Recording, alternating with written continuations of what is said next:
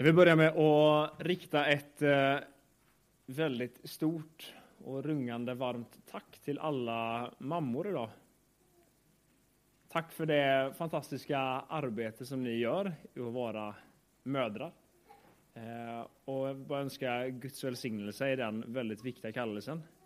Det är faktiskt så att när eh, du visar omsorg, när du ser till att barn har rena kläder, när du ger barnet trygghet, eh, och så vidare, så får du vara en förebild på Gud. På Guds trygghet som han vill ge. Guds önskan om att få ge oss rena kläder. Guds eh, längtan efter att få visa omsorg för oss. Det står i Jesaja kapitel 6, i den tolfte versen. Ni skall få dia och bli burna på höften och få sitta i knät och bli smekta. Som en mor tröstar sin son ska jag trösta er. Så när Gud själv liknar sig vid en mor, ja då är det, det är fint att få vara mor. Så tack för det. Tack för alla ni som är mödrar. Guds välsignelse i det. Jag ska be vidare för eh, andakten. Herre Jesus, vi kommer inför dig och ber om att din vilja kunde få ske med resten av mötet. Ber om att du kunde komma hit med din ande, öppna ordet för oss så att vi kan få förstå, ta till oss. Och Herre, du har använt både ett esel och du har använt dina fiender till att tala ditt ord. Och då ber jag om att du också kunde få använda mig till att tala ditt ord här idag. Öppna våra hjärtan för ditt ord. Amen. Vi ska läsa den här söndagens text som är från Matteus kapitel 26.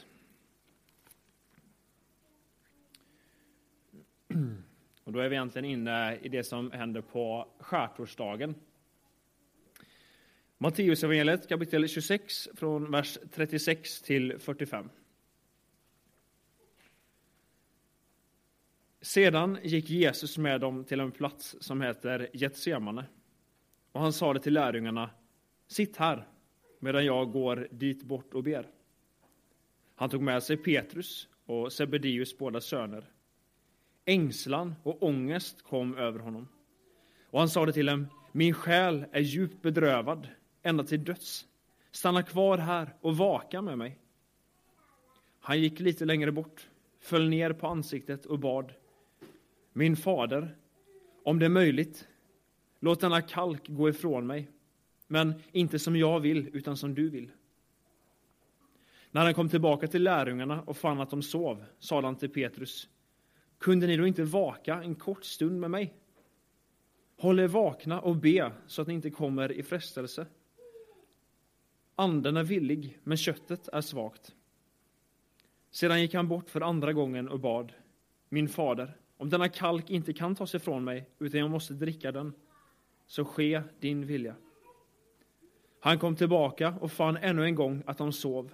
Så tunga av sömn var deras ögon. Då lämnade han dem och gick åter bort och bad för tredje gången med samma ord.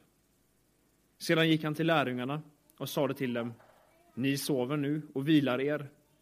Se, stunden har kommit då Människosonen skall överlämnas i syndares händer. Det finns en ganska känd påsksång som eh, står i sångboken, som börjar så här. Den stunda i Getsemane äg aldrig glömma kan. Ni kanske känner igen den. Men om jag funderar på mitt liv så är jag ganska osäker på om det som står här verkligen stämmer. För det är inte just precis det som är det stora problemet. Att jag har så lätt för att glömma. Så lätt för att glömma Jesu kors. Glömma graven, ja, och glömma den kampen som var i ett semane. Är jag inte snarare mycket mer lik lärjungarna som fick besked om att vaka tillsammans med Jesus? Men så står det att deras ögon blev så trötta att de somnade. det kanske inte är det som snarare är realiteten. Att jag har så lätt för att glömma. Men så står det faktiskt i sista versen i den sången. Men vill min kärlek kolna, kolna av, min frälsar, äg dig bed, och minn mig om din kross och grav och om Getsemane. Det är som att sångförfattaren här själv vet att ja, kärleken den kan kallna. Tröttheten och sömnen kan komma sig snikande. Och så är botemedlet att Gud ska få påminna mig om korset, om graven och påminna mig om kampen i ett semane. Och kanske att det kan få vara en bön också för det som ska sägas nu om att den här texten som vi läste om Jesu kamp i ett semane kunde få liksom locka fram kärleken i ditt hjärta till Jesus. Kärleken som kanske har kallnat, kärleken som kanske har blivit borta, kanske att tröttheten och sömnen har kommit sig snikande. Men Guds ord är levande och verksamt. Låt oss be om att det kan få, få väcka kärleken i oss. Getsemane, det var en trädgård som Jesus ofta brukade besöka. Getsemane betyder eh, oljepress. Om det nu var en oljepress där eller inte, det, det är mycket som tyder på att det kunde vara det. Eh, oljepressen, det var där man då alltså utvann olivoljan. Det som sedan användes till, kanske till matlagning, till oljelampor och så vidare. När vi tänker på den kampen som Jesus kämpade i ett semane, så står det om svetten som droppade som blodsdroppar, om tårarna som rann ner på jorden. Så andligt talat så var det verkligen just det Jesus var i, i en oljepress. Så tung var den kampen Jesus utstod. Och när vi tänker på Jesu kamp i ett semane så blir den ofta väldigt idyllisk. Vi ser för oss Jesus med ett fridfullt ansiktsuttryck. Han eh, faller på knä och ber en stilla bön medan månen kastar som en ljuskägla alldeles passande rätt i hans ansikte så det blir lite upplyst. Och så verkar det vara så fridfullt och gott och trevligt. Och så är kanske våran bild av Jesus i ett semane mer inspirerad av kyrkokonsten, det vill säga hur människor har målat Jesus, än det som står i Bibeln. För när vi läser om det som står här, när vi tänker på det som stod i dagens text, så beskriver den Jesus ett otroligt födelseladdat tillstånd. En känslostorm, kan vi säga. Eh, långt borta från det fridfulla. Det står om ängslan. Det står om ångest. Det står om att Jesus var bedrövad eller sorgsen ända till döds. Ångest. Vad är egentligen ångest för någonting? Det eh, finns en klok man som heter Gunnar Elstad. Han, han beskriver symptomen på angst så här. Ordet angst kommer från ett latinskt ord som betyder något i rättning av tranghet. Det föles som om halsen och bröstet snörer sig till slik att det blir vanskligt att pusta. De fysiska symptomen har vi till en viss grad känt allesammen. Vi blir kortpustet och puster höjt uppe i bröstet. Hjärtat slår fortare. Vi blir klamma i händerna och kanske varma eller kalla i kroppen. Vi har sommarfulor i magen och den kan slå ut i muskelspänningar. Och är den stark och långvarig vill den också föra till irritabilitet, trötthet, sömnvansker och fysiska symptomer som lätt kan uppfattas som allvarlig sjukdom. Ju starkare angsten är, ju starkare vill en känna dessa reaktionerna. Ett skickligt angstanfall är så pass dramatiskt att en ofta blir rädd för att dö, rädd för att bli gal eller rädd för att ha fått hjärtinfarkt. Så när vi läser dagens text så får vi snarare intrycket av att Jesus han har ett, ett angstanfall. Eh, och när vi läser, vi läser om att han var bedrövad till döds. Och vi läser vi Lukas evangeliet så står det just om att Jesus svettade som blodsdroppar. Så det som beskrivs här är allting, allt annat än frid. Men Jesus är mitt uppe i en våldsam angst, känslostorm, oro. Och mitt i denna förtvivlan så hade Jesus behov av att få be till sin far. Komma till Gud i bön.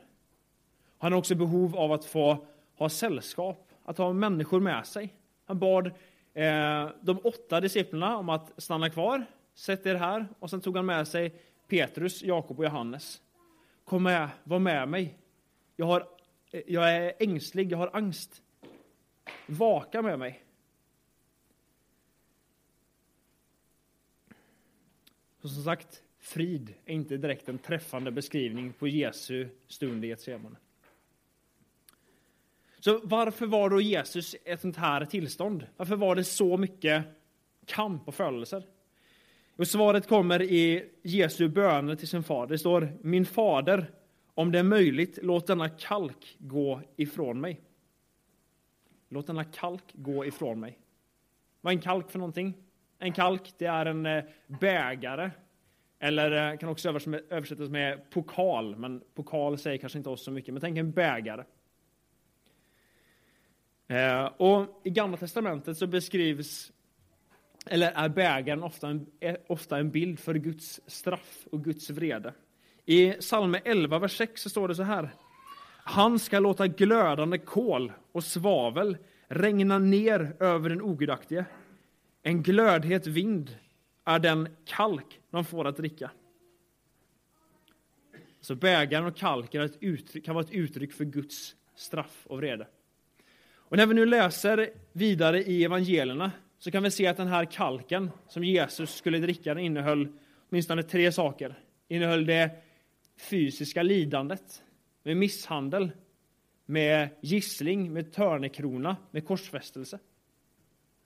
Det innebar den fysiska döden, som förut var fullständigt främmande för Jesus. Han var ju syndfri. Döden är en konsekvens av synden. Den som inte har synd kan inte dö. Och ändå så skulle Jesus dö och tänk Jesus som var Gud själv, den evige guden. Den odödliga guden skulle dö. Och för det tredje så var det att utstå Guds vrede.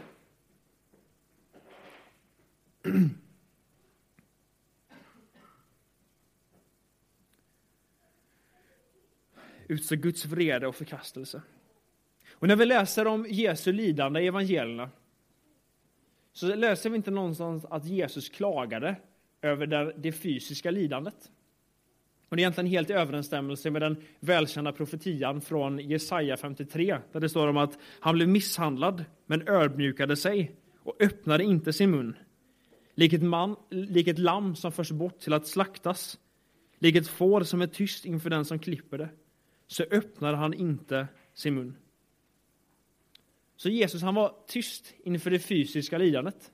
Han hade ju kunnat befalla en legion änglar om att komma och befria honom, rädda honom. Men han gav sitt liv. Han gav det av egen fri vilja. Men Guds vrede, det var det tyngsta. Jesus hänger på korset och ropar Min Gud, min Gud, varför har du övergivit mig? Övergivit mig. Och som att denna vrede bara blir ännu tydligare så sänker det sig ett mörker över landet. Mitt på dagen när det borde vara ljust så är det mörkt. Och som varar ända fram till Jesu dödsstund. Jesus förkastad och lämnad av sin far.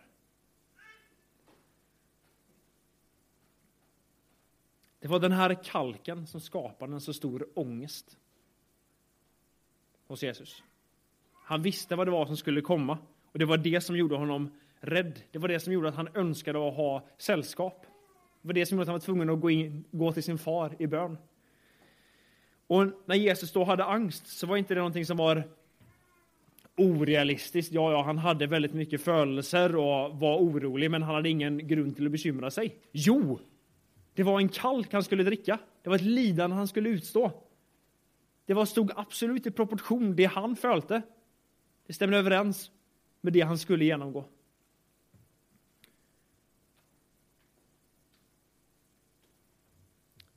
Försök att se det framför dig. Tänk att jag har ett glas i min hand här. Eller en kalk, en bägare.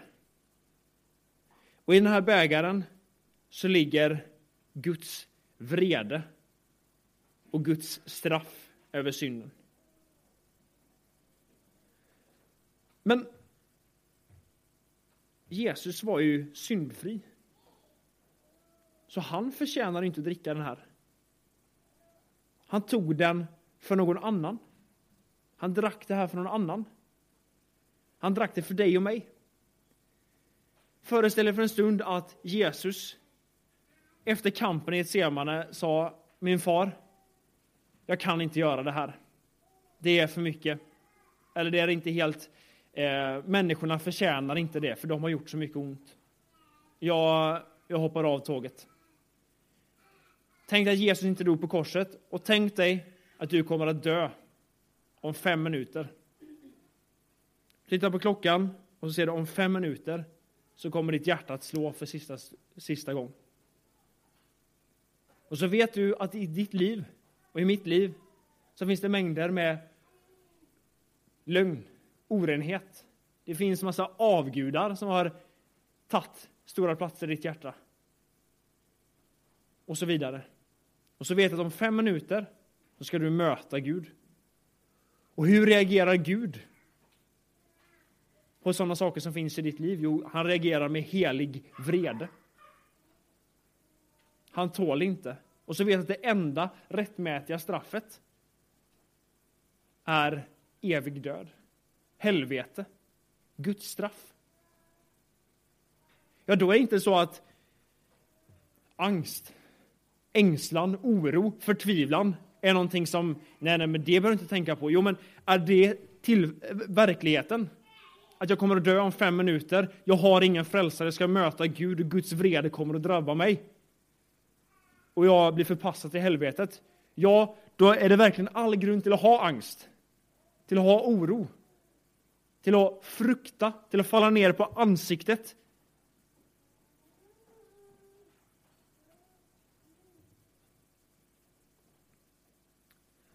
Trots den här känslostormen som Jesus var mitt uppe i, så var det någonting annat som betydde ännu mer. Viljan. Men inte hans egen vilja, men hans fars vilja. Och gång på gång i bönerna så kommer det, men inte som jag vill, utan som du vill. Ske din vilja. Alltså Jesu kärlek till sin far tvingade honom till att säga ske din vilja, inte min vilja. Jesus lät inte sina födelser eller hans vilja styra honom, men kärleken. Hans kärlek till sin far och hans kärlek till det syndiga människosläktet. Och innan Jesus kom till ett så hade han instiftat nattvarden. Och då så säger Jesus här att detta är mitt blod, förbundsblodet, som jag utger till syndernas förlåtelse. Man kan säga att i samma ögonblick som Jesus dog på korset, som han drack vredens bägare, så var det samtidigt en annan bägare som fylldes. Nattvardens bägare, nattvardens kalk, där vi får dricka nåd och förlåtelse. Tänk, det var en, det var en, en bägare som byttes ut. Det var så att Jesus sa, ja far, ske din vilja, jag vill dricka denna kalk. För att hela människosläktet ska kunna gå fria.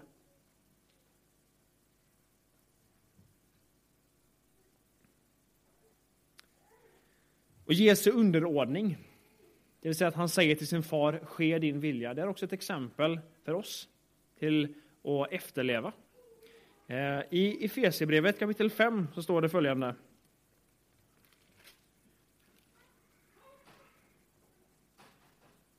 Från vers 21. Underordna er varandra i Kristi fruktan.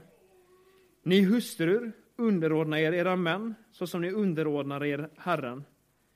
Ty en man är sin hustrus huvud, liksom Kristus är församlingens huvud, han som är frälsare för sin kropp.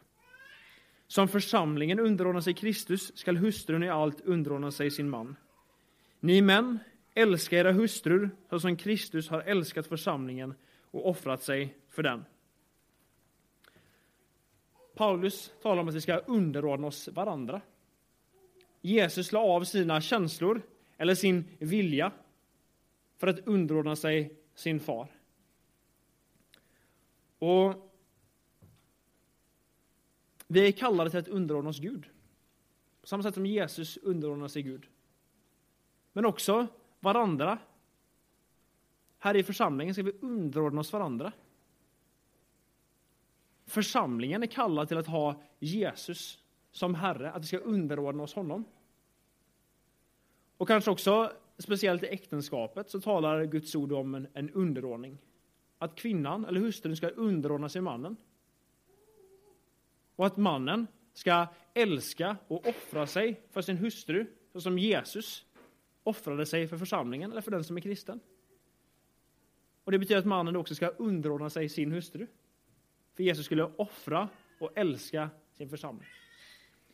Och låt oss inte bara ta det här som lite fina ord på alla hjärtans dag eller Valentine's Day. Ja, men det var ju fina saker att vi ska underordna, under, underordna oss varandra och, och i äktenskapet och i församlingen och så vidare.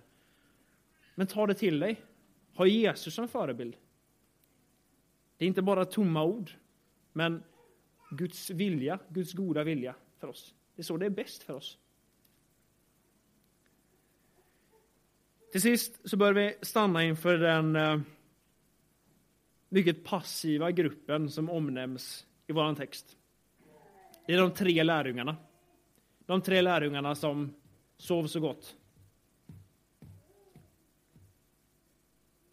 Och precis innan vår text så har Petrus utropat de heroiska orden.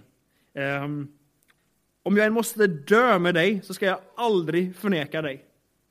Det är precis det han säger innan texten. Och sen så kommer de ut i ett semane. Och det är som att det bara står i en ännu större kontrast till det som nu händer när Jesus ber dem om att de ska vaka med honom. Och så klarar de inte ens att hålla sig vakna. Jag ska dö för dig Jesus! Äh, men jag, jag tycker om att sova. Och det, det är inte så viktigt liksom. Sliten och... Ah. Vems kamp var det Jesus kämpade i ett semane? Det var ju egentligen lärjungarnas kamp. De där tre gubbarna som låg borta i ett hörn och sov. Det var egentligen deras kamp Jesus kämpade. Kunde man inte då förvänta sig att de skulle visa lite tacksamhet? Att de ändå kunde hålla sig vakna? Men nej då. Låt oss tänka på en... Eh, din bil har gått sönder. Au. Du har en kompis som är bilmekaniker. Och så kommer du, ler lite fint och säger kanske dags för en eh, vänskapstjänst. Eh, kanske du bara kunde kika på min bil lite grann och se om eh, det kanske bara är något lätt. Och så tittar bilmekanikern på bilen och så ser att eh, oj, det här var stora omfattande fel på bilen. Eh, men han säger att, vet du vad? Jag är din vän, jag vill eh, gärna fixa det för dig. Kan inte du bara vara här då och hålla mig sällskap så kan vi prata med när jag fixar din bil i tre dagar här. Och så går det tre minuter. Så bara, ah. så bara somnar du där medan din bilmekaniker håller på, din kompis håller på att jobba. Och så väcker han dig och så säger han, du, jag håller på att fixa din bil här, kan inte du bara hålla mig sällskap? Eh, jo, sorry. Och så bara går det tio sekunder och så somnar du igen. Snacka om att vara otacksam alltså.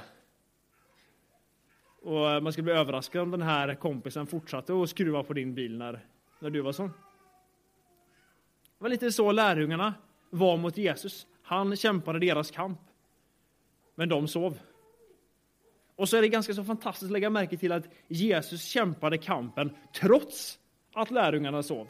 Jesus gick till Golgata trots att lärjungarna en liten stund senare skulle fly från honom.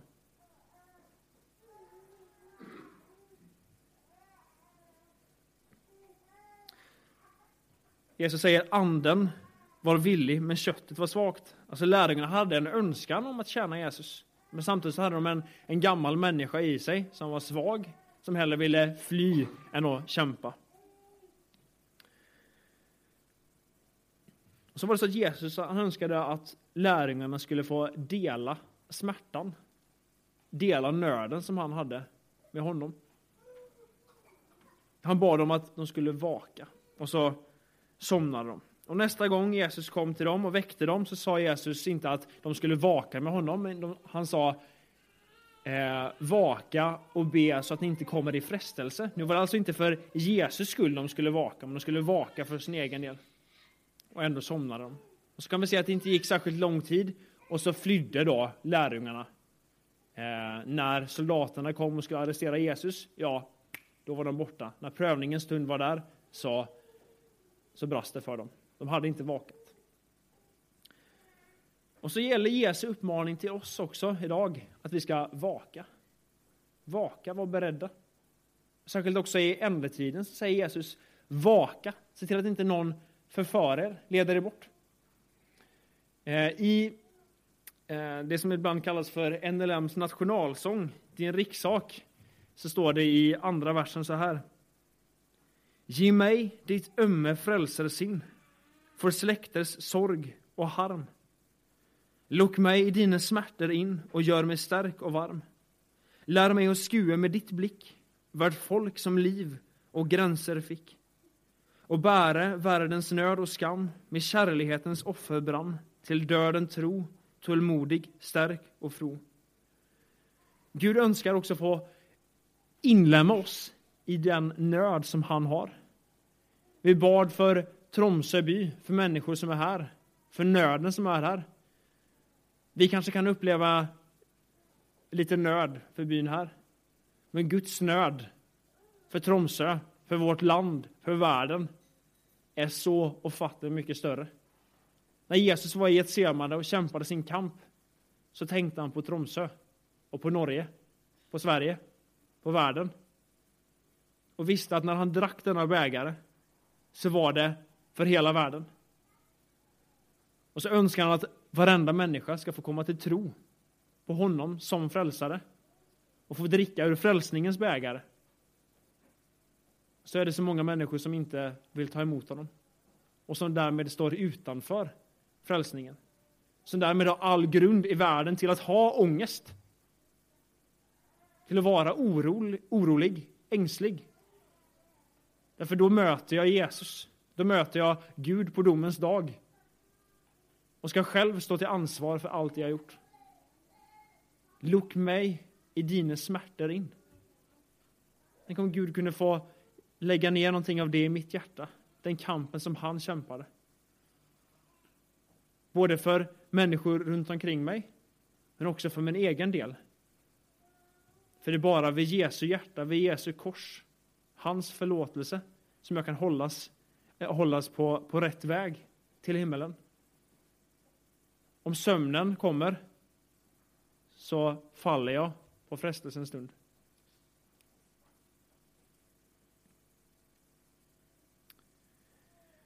Men han drack vredens kalk för att jag skulle kunna få gå fri. Hans kamp var min kamp.